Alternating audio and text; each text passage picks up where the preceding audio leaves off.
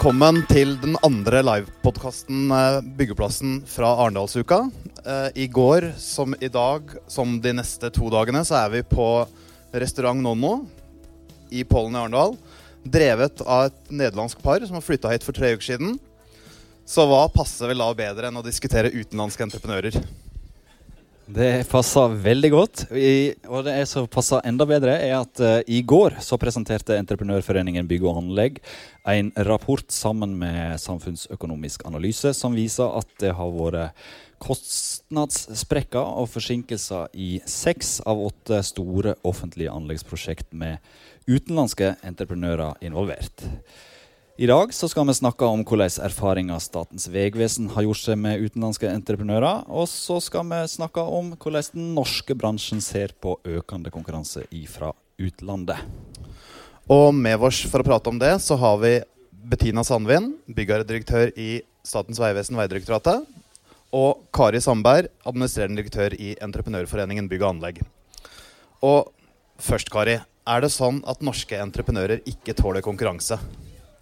Uh, før jeg svarer på det, så har jeg bare lyst til å si at uh, jeg liker bedre å si uh, entreprenører som er etablert i Norge, kontra de som ikke er etablert i Norge, utover det å faktisk være til stede for å gjennomføre prosjektet. For det handler om veldig mye mer enn å levere et prosjekt. det handler faktisk om å bygge landet. og punkt to så ønsker entreprenørene konkurranse velkommen. ikke bare gjør de det, men de lever av konkurranse hver dag. Og eh, det er jo en kjensgjerning at mange av entreprenørene som kommer fra utlandet for å gjennomføre prosjekter i Norge, er veldig dyktige og har mye kompetanse. Men det er også eksempler på det motsatte. Og vi tror, det nevner vi også i rapporten, at noe av grunnen til det er at vi har noen år bak oss hvor det har vært veldig krevende eh, deler av markedet i Europa. Uh, hvor uh, bedriftene der har slitt med å få oppdrag, de har slitt med å få inntjening. Parallelt med det så har prosjektene innenfor samferdselssektoren økt dramatisk i Norge. Og de kommer hit fordi vi har store og veldig spennende og krevende prosjekter. Så, så uh, på, svaret, på spørsmålet ditt så vi ønsker konkurransen absolutt velkommen og mener at det er positivt å innhente eh, kompetanse også fra utlandet der hvor det fungerer godt. Og så, som vi sa innledningsvis, så har dere fått en rapport fra Samfunnsøkonomisk analyse. Hva sier den rapporten? Ja, Nå har vi tatt for oss noen prosjekter, og ikke alle prosjekter. Og vi har heller ikke tatt for oss prosjekter der hvor eh, entreprenørene som, som er bl.a. I, i min medlemsmasse, eh, er representert som hovedentreprenør. Uh, og noe av grunnen for det er at uh, vi har enkelte statlige kunder som har uttalt tidligere at de ønsker å tilrettelegge for utenlandske entreprenører. Og da hadde vi litt lyst til å se på om det er en vellykket eller har vært en vellykket strategi. Uh, så derfor så, vi litt nærmere på noen av de prosjektene hvor det ikke har gått så bra. og så er jo bildet mye mer nyansert enn det. og Eh, vi vet jo også at vi har mange utfordringer. Heldigvis, og bank i bordet, så har ikke vi eh, så mange bedrifter i vår portefølje, i vår medlemsmasse, som har gått konkurs. Eh, håper ikke vi får se det heller, men vi vet jo at mange av de store anleggsentreprenørene sliter enormt med sin inntjening, sånn som det er i dag. Bettina Sandvin, eh, jeg vet at ikke du har fått lest eh, rapporten i detalj, men du har fått med deg oppslagene. Eh, kjenner du deg igjen i det som blir sagt her, og det som blir framheva fra rapporten? Også det som jeg har fanga opp som den største konklusjonen fra rapporten, eller det jeg satt igjen med etter å ha lest artikkelen på bygg.no, det var at eh, ved å ta inn utenlandske entreprenører, så er det en større fare for at vi får kostnadsoverskridelser og blir forsinka. Og det er ikke en påstand jeg er enig i. Det er ikke sånn vi opplever det. Eh, vi, og så syns jeg er litt det Kari er inne på, hvem er utenlandske og hvem er norske her? Eh, utlandet er ikke ett land. Så utenlandske entreprenører er veldig mange forskjellige kulturer og forskjellige aktører. Så det er blanda drops og forskjellige erfaringer, men det er det også med de norske. Så det går ikke an å trekke den konklusjonen på grunnlag av nasjonalitet. Hvordan ville en uh, sånn rapport sett ut hvis du skulle ha dratt fram den med norske entreprenører? Jeg tror jeg, du, vil finne, liksom sa, du vil finne eksempler på at det går bra, og at det, det ikke går bra. Både med norske og utenlandske entreprenører. Og det som, Noen ganger så er det eh, kanskje forhold du kan knytte til entreprenøren, men andre ganger så er det jo forhold ved selve prosjektet som ville ha oppstått uansett hvilken entreprenør du har der. Det er jo eh, et par av de sakene som har vært trukket fram, det er ikke Statens vegvesen. Eh, Bane Nor har hatt store problemer på Follobanen med Condotte, en italiensk entreprenør som ble eh, kasta ut der. Han, eh, han, er vel ikke gått konkurs ennå, men han er, står vel på stupet helt foreløpig. Eh, hvordan økonomiske vurderinger gjør det av utenlandske entreprenører når de kommer inn eh, i det norske markedet? Ja, vi, vi, har jo kvalifikasjonskrav som ligger som standard på, på, økonomi og på soliditeten i selskapet. Men det er jo en erfaring vi har gjort oss ikke bare i forhold til utenlandske, men når kontraktene blir så store at vi nok trenger å sette litt sterkere eller litt strengere krav til den økonomiske situasjonen i selskapet. Uh, og det, det, det, er noe vi jobber med hele tiden. Men er det mer krevende å uh, vurdere en utenlandsk entreprenør enn dere er med en norsk? Eh, det kan, jo, det kan, jo, være krevende å finne fram Akkurat som det kan være krevende for nye aktører å finne fram i et norsk system, så kan det jo være krevende for oss som norske byggherrer å finne fram i referanser og papirer til eh, entreprenører som kommer fra andre land. Det kan være det. Men eh, så langt så syns jeg vi har klart det ganske så bra. I likhet med Bane Nor så har dere også hatt en konkurs på et prosjekt fra en utenlandsk entreprenør, Alpine Bau, på fellesprosjektet. Uh, Alpinebau hadde en kontrakt på 1,1 milliard. Gjorde en tredjedel av jobben. Hære kom inn. Gjorde to tredjedeler og fikk det anbudet på 1,3 milliarder. Da trodde vi at spinninga gikk opp i vinninga. Men Bettina, så sier du noe helt annet. Ja, Forklar. Det, er, det er ganske komplisert matematikk. Men summa summarum på slutten Nå har vi ikke eh, ferdigstilt siste sluttoppgjørstvisten, så vi vet ikke endelig summen på det eh, anlegget eller det prosjektet. Det er for øvrig ikke med en utenlandsk entreprenør. Men eh, det, den konkursen, vi har regna på det, den kosta oss og Bane NOR til sammen ca. 100 millioner. Det var kostnaden etter at vi har uh, hatt fram og tilbake med konkursbo og alt regnestykkene der. Og hvis vi skulle tildelt den kontrakten til den som var nummer to, altså nest billigst, så var det to, et tilbud som var 200 millioner dyrere. Så det er ikke så enkel matematikk å si at dette var et dårlig prosjekt fordi vi hadde en ekstern eller en utenlandsk entreprenør. Nei, og så kommer det vel litt an på hvordan man regner kostnader og hva som ligger i det også. Men jeg har lyst til å gripe fatt i det Bettina sa i sted. Fordi eh, når vi snakker om eh, entreprenører etablert her i landet, så snakker vi om også å bygge landet. og Vi snakker om sysselsetting og verdiskaping for Norge. Og i hvert fall så har eh, politikerne veldig tydelig uttalt at de ønsker en bærekraftig og lønnsom og innovativ anleggsnæring i Norge. Altså at kompetansen eh, for eh, Det kan være holdt på å si, Mesteparten av infrastrukturen er sikkert kritisk, men i hvert fall at kompetansen for kritisk infrastruktur er eh, og blir på selskaper som har kommet hit for å bidra til å bygge infrastruktur i landet vårt. Eh, I tillegg så, så, har det stor betydning for sysselsetting. Og eh, når vi velger, eh, sånn som tilfellet er på Follobanen, en utenlandsk aktør til å drive innovasjon i forhold til tunneldriving f.eks., så kan vi stå i fare for å miste mye av kompetansen. Eh, jeg har hørt Statens vegvesen tidligere sagt at eh, på de fleste prosjektene så har vi entreprenører etablert i Norge, og det fungerer godt. Statens vegvesen baserer også kontraktene sine på norsk standard. De bruker norsk som kontraktspråk. Og eh, det er noe vi mener er veldig positivt, for det er kontrakter som er kjent, og som er fremforhandlet av bransjen. Og eh, nå har dere satt i gang et arbeid med en kontraktsmodell for større prosjekter. Eh, vi håper at arbeidet i Standard Norge nå også skal gå så raskt at disse to prosjektene merges sammen, for det tror jeg bransjen trenger. Og det tror jeg bransjen ønsker. Så, så jeg, ja, jeg, er liksom positiv på, på framtida, selv om vi har sett på uh, hvordan dette har gått uh, galt for en del prosjekter. Så, så, må jeg liksom bare gjenta at det er mange som kommer hit uh, som har kompetanse, og som ønsker å gjøre, levere et, et, godt prosjekt. Og så er det jo mange av de entreprenørene som kom hit for 30-40 år siden, som var svenske, som nå er norske. Ja, de er etablert i Norge. Ja. Skanska, NCC, Peab osv. Det er norske uh, entreprenør? det er riktig, for de er etablert her i landet. Ja. Når blir en utenlandsk entreprenør norsk? Det er når han har vært her i såpass mange år og etablert seg? Nei, det er jo når du, når du legger igjen eh, noe utover bare å komme inn med prosjektet ditt og trekke all, alle folk, all kompetanse, alt ut. Og vi vet at mange, men ikke alle, men vi vet at mange de kjører inn sine team som er her i x antall dager, kjører de ut igjen og tar inn et nytt team.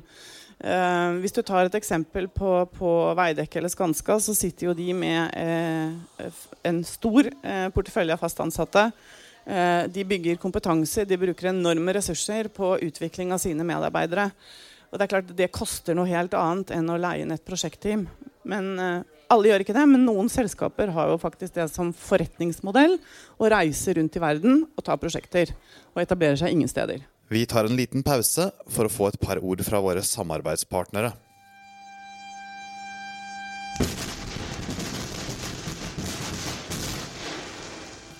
Vi sprenger grenser. Utfordringer i dagen, løsninger i grunnen. Hilsen oss i NFF, Norsk forening for fjellsprengningsteknikk. Vi er der det skjer. Besøk vår stand under Arendalsuka. Og da er vi tilbake på byggeplassen. Det handler om like konkurransevilkår er viktig. Eh, vi har sett en spansk entreprenør, trenger ikke å nevne hva, hva slags entreprenør det var, men eh, som kommer inn i det norske markedet. Eh, ikke, uh, får noen betalingsanmerkninger og sier da at grunnen til det er at uh, de ikke var klar over at den norske forfallsfristen er kortere enn den spanske. Hvor godt har du gjort forberedelsene da for du ikke skal inn i et nytt marked? Er ikke det helt basic at du skal kunne forfallsfristene i det markedet du skal inn? Jo, det høres, det høres litt enkelt ut, da. Men uh, i de tilfellene hvor vi ikke helt får det til, hvor entreprenører og byggherrer ikke helt får det til, så er det ofte forberedelser det skorter på. Og, og, det kan det være også med norske entreprenører, men det er jo en litt større grad med de som kommer nye inn i markedet, nye inn i, i vår geografi og i vår kultur. Eh, de som, men de som forbereder seg godt, de klarer det her fint. Og det vi ser, akkurat som Kari sier, det er mange flinke folk. Det er masse fokus på eh, kvalitet. De har, men de, har, de, er kanskje vant til opp, at oppdragsgivere har litt annet fokus enn det vi har. Og det, og det, er vi nødt til å starte opp med sammen og fokus på sammen, så vi får forklart hva slags byggherre vi er. Men får utenlandske entreprenører mer hjelp enn norske? Eh, nei, jeg vil ikke si de får mer hjelp. Men i alle kontrakter i Statens vegvesen så starter vi med en sånn samhandlingsperiode før du får lov å begynne ute i marka. Og, og, da er det litt forskjellig hva vi legger fokus på i de samhandlingsperiodene. Og det, det bør det være. Det har ikke bare med nasjonalitet å gjøre. Det kan være viktige ting som vi ser er utfordrende i prosjektet. Det kan være ting som er viktige for oss. Det kan være vi har erfaringer med denne entreprenøren fra før og vet at her må vi legge ekstra vekt på det. Eller det kan være å, å fortelle litt om system og, og regler som vi har her hos oss. Og mye går også på kultur. Jeg tror det er, det er ofte det blir litt sånn undervurdert. Fordi vi i, i, Norge, selv om vi har veldig stor forskjell på kultur Hvis du tenker på Finnmark og Østfold f.eks. Det er veldig forskjellige kulturer i Norge. Men det er også i utlandet. Og det er mange ting vi i Norge ikke trenger å si til hverandre. fordi det er, det er liksom noe vi bare forstår automatisk. Og det må vi tenke på når vi møter andre kulturer. Hvordan er eh, tilbakemeldingene fra prosjekter der ute da, når de snakker med dere sentralt? Eh, hvordan opplever de det samarbeidet med de utenlandske? Si når det kommer en kinesisk entreprenør inn og bygger bru i Nord-Norge.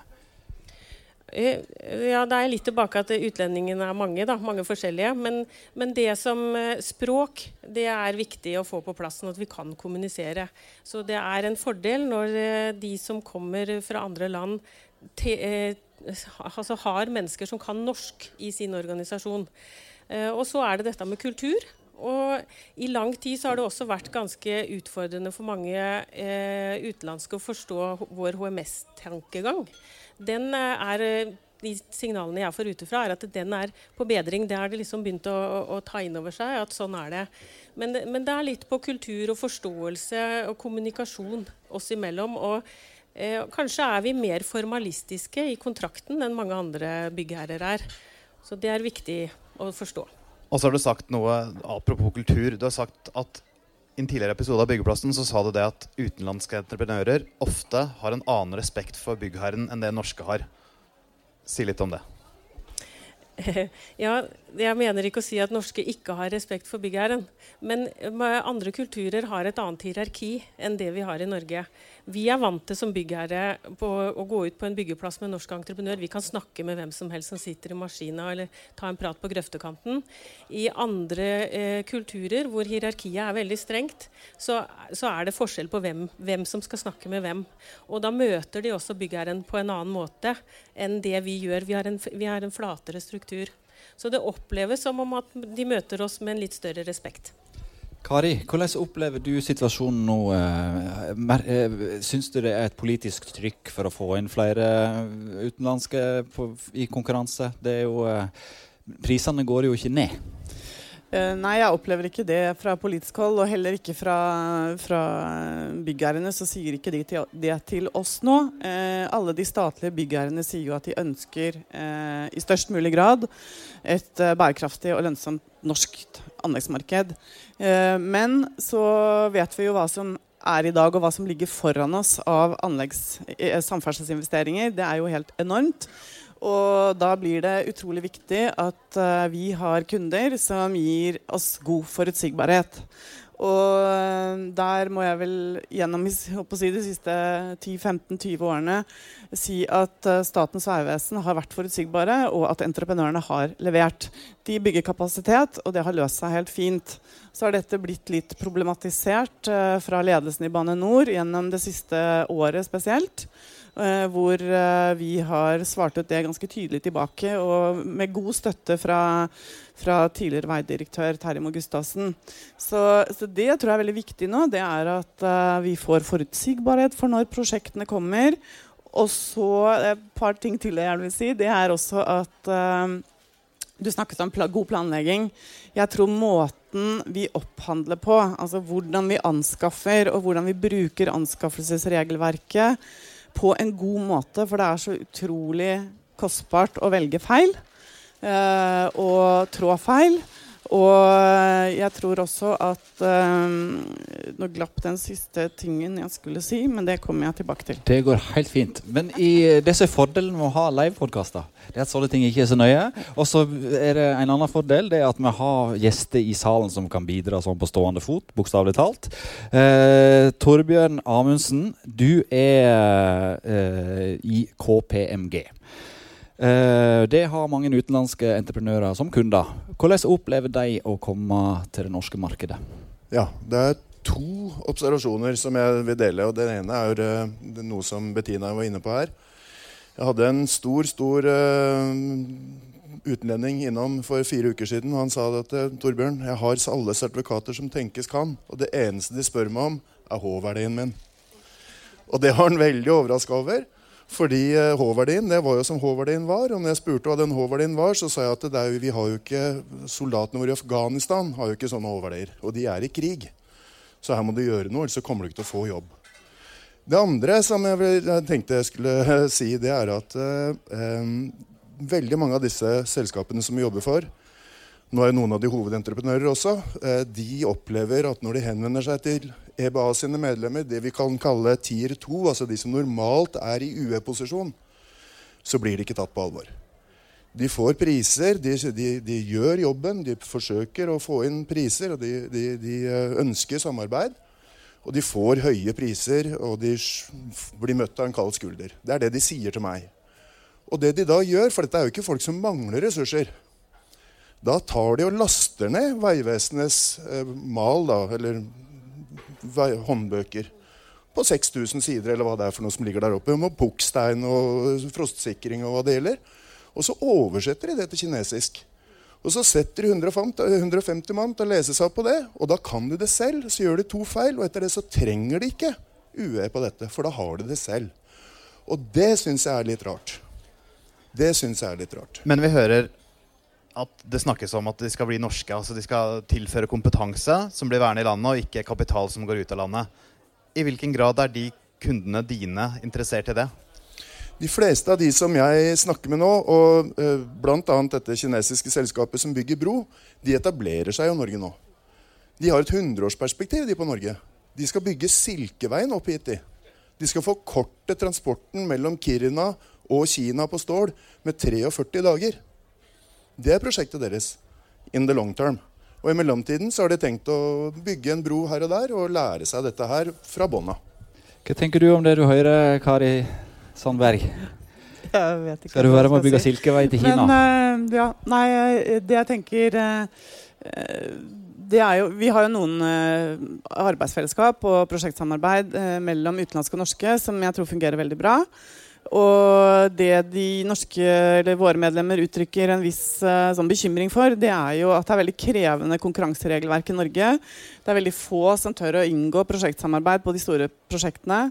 Så uh, vi er selvfølgelig det, det er tross alt de jeg jobber for, og de er opptatt av at kontraktstørrelsene ikke blir for store, sånn at det, det norske anleggsmarkedet kan håndtere det.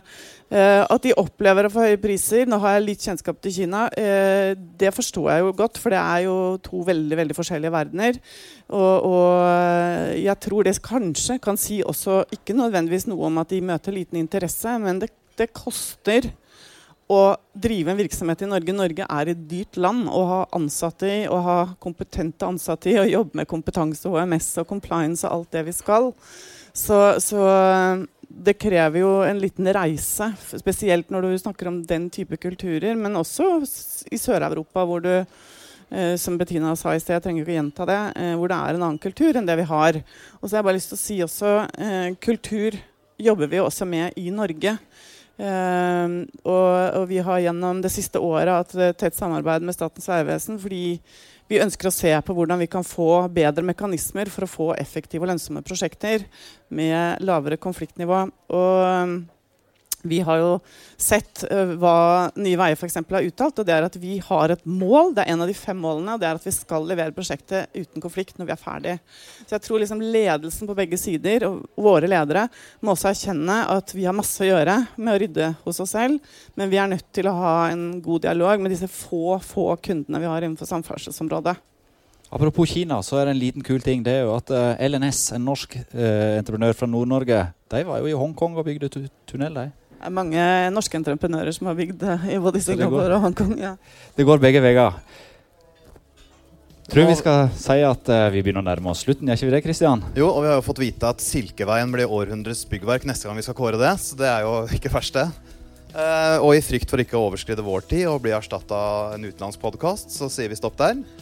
Takk til gjestene. Takk til dere som var her. Vi ses i morgen. Gi oss gjerne en applaus, da, så må høre at det er folk i lokalet. Tusen takk for oss.